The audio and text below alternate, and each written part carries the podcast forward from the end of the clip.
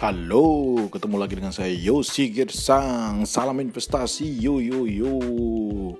Baik, eh, kali ini topik kita ringan, tapi menurut saya ini adalah basic yang sangat penting buat kita kalau kita mau uh, supaya kita at the end pada waktu kita pensiun uh, kita bisa memiliki passive income kita bisa hidup dengan income yang kita peroleh uh, di mana kita pada saat itu mungkin tidak bisa bekerja lagi atau aktif bekerja.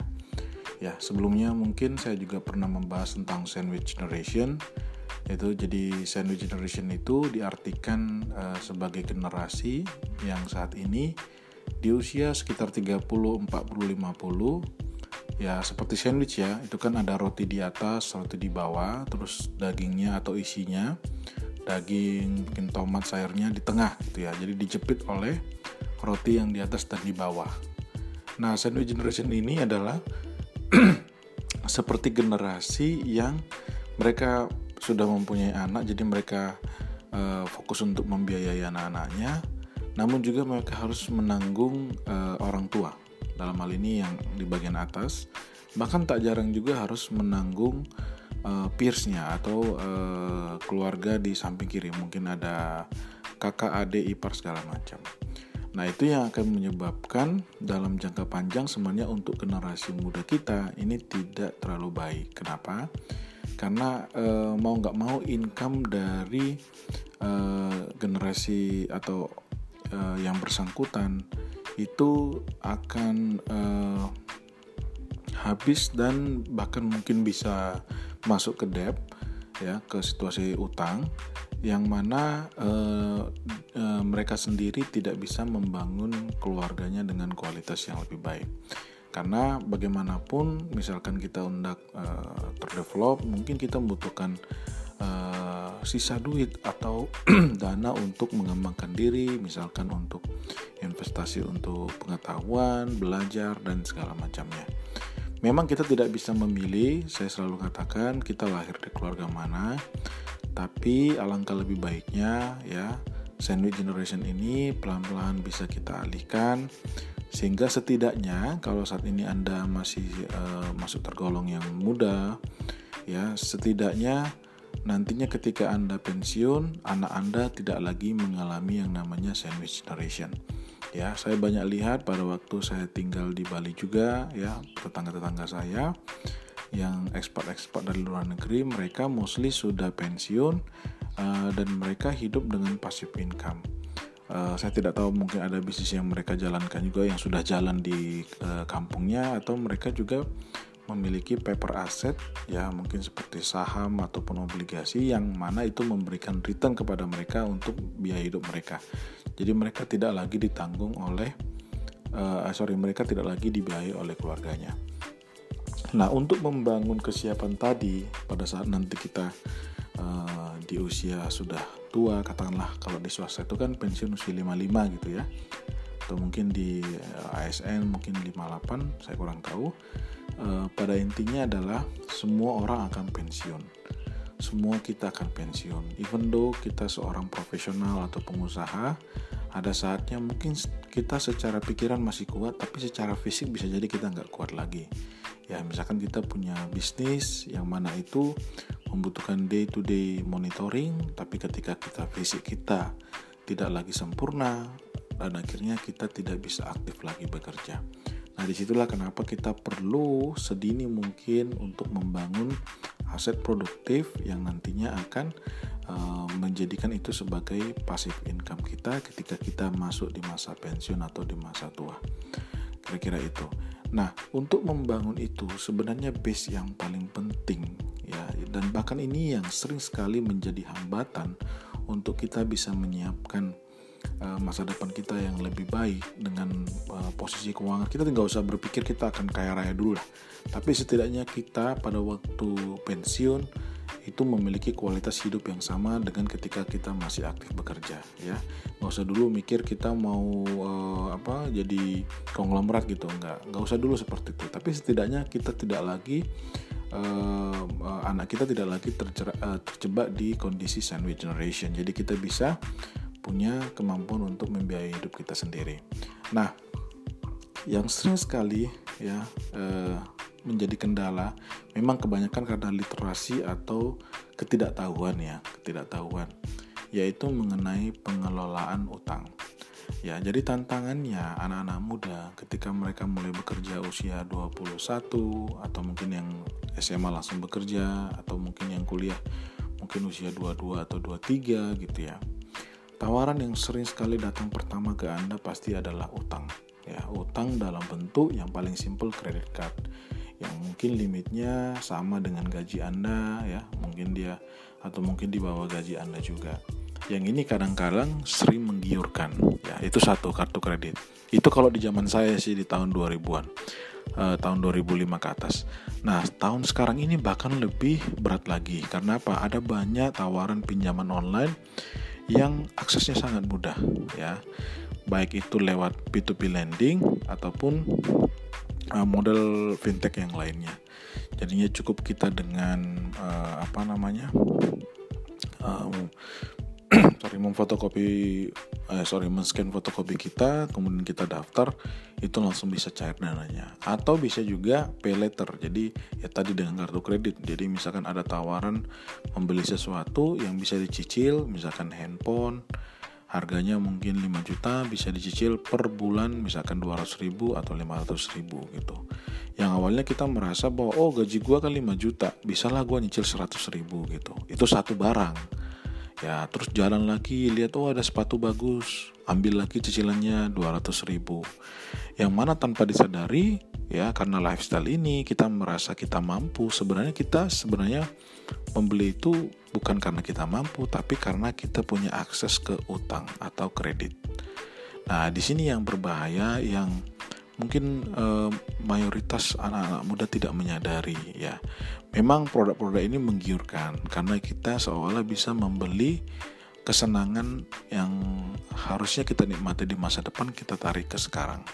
Ya, sebenarnya kita nggak bisa beli cash ada satu handphone harga 11 juta misalkan. Sebenarnya kita nggak mampu, kita nggak punya cash.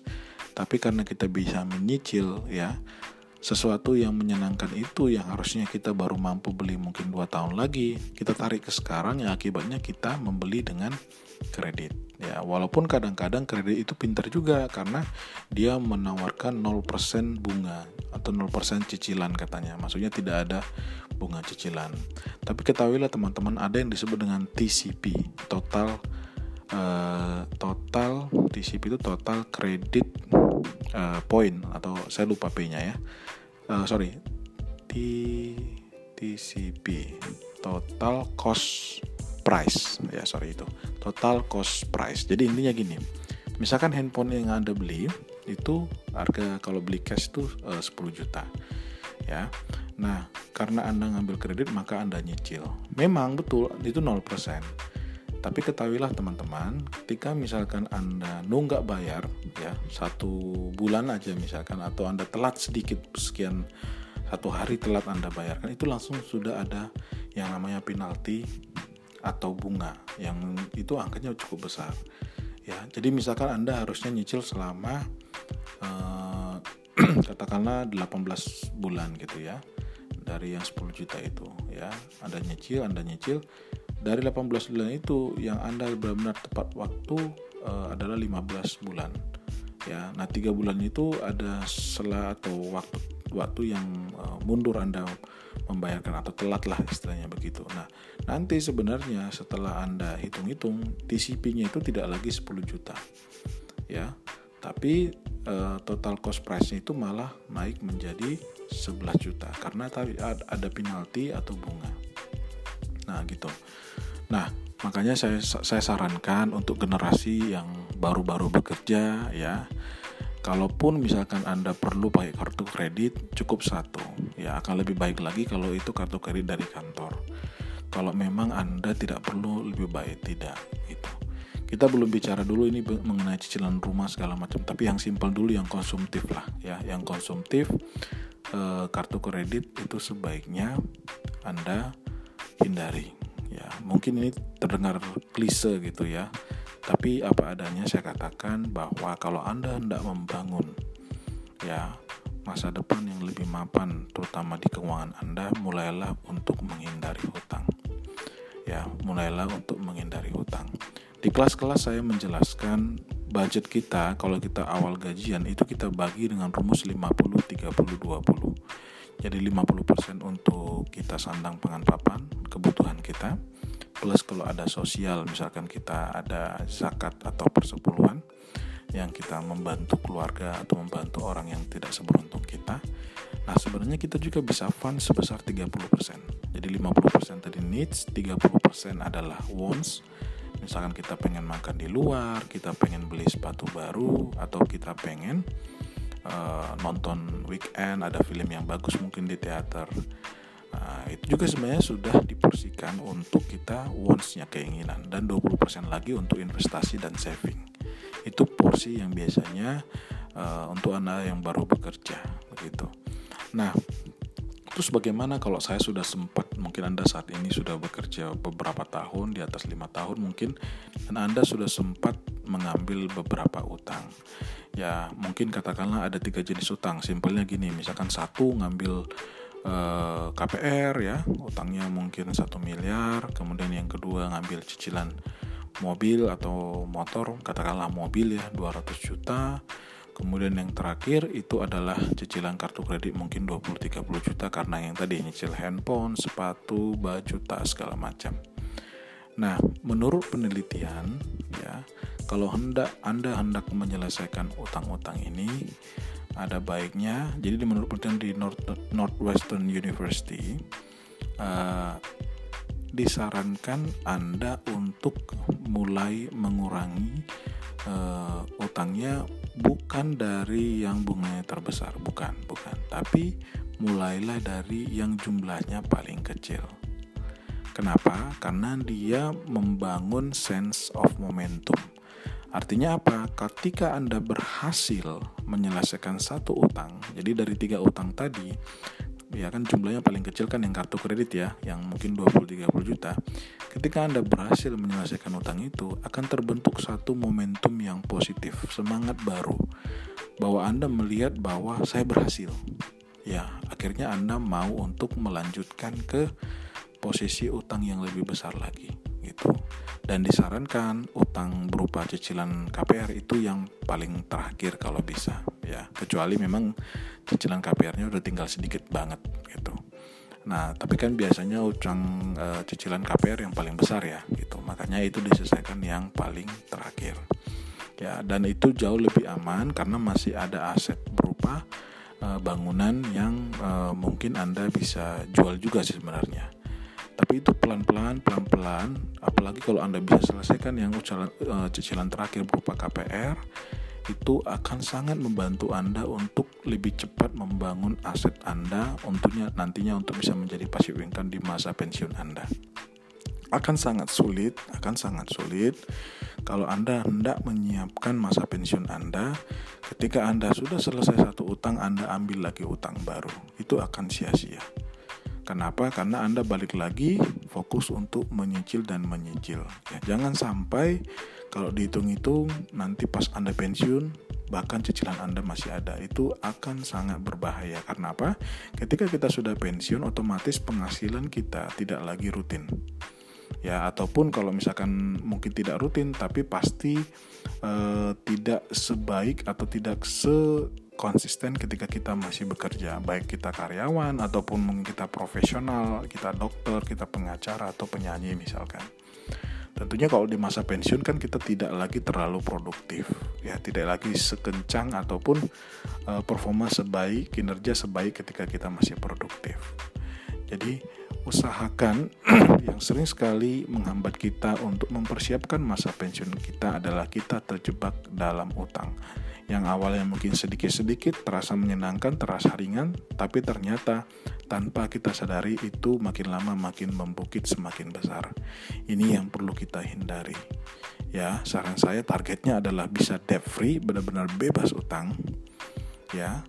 Dan pun kalau tidak bisa, usahakan mulai dari utang yang terkecil dulu sampai yang terakhir adalah utang terbesar yang biasanya adalah cicilan KPR. Ya, mungkin ini terlihat simple, tapi ini tidak mudah untuk dilakukan. Ada banyak tantangan yang menggoda, apalagi zaman sekarang internet, sosial media. Ya, impact sosial media sendiri itu membuat manusia lebih konsumtif.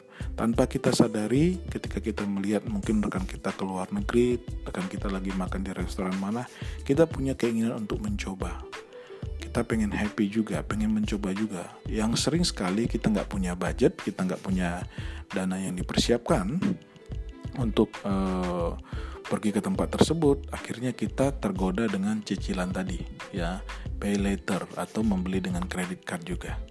Itu yang berbahaya.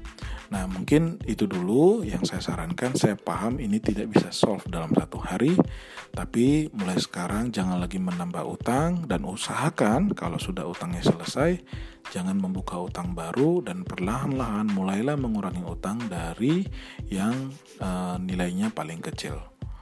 Semoga tips ini bermanfaat.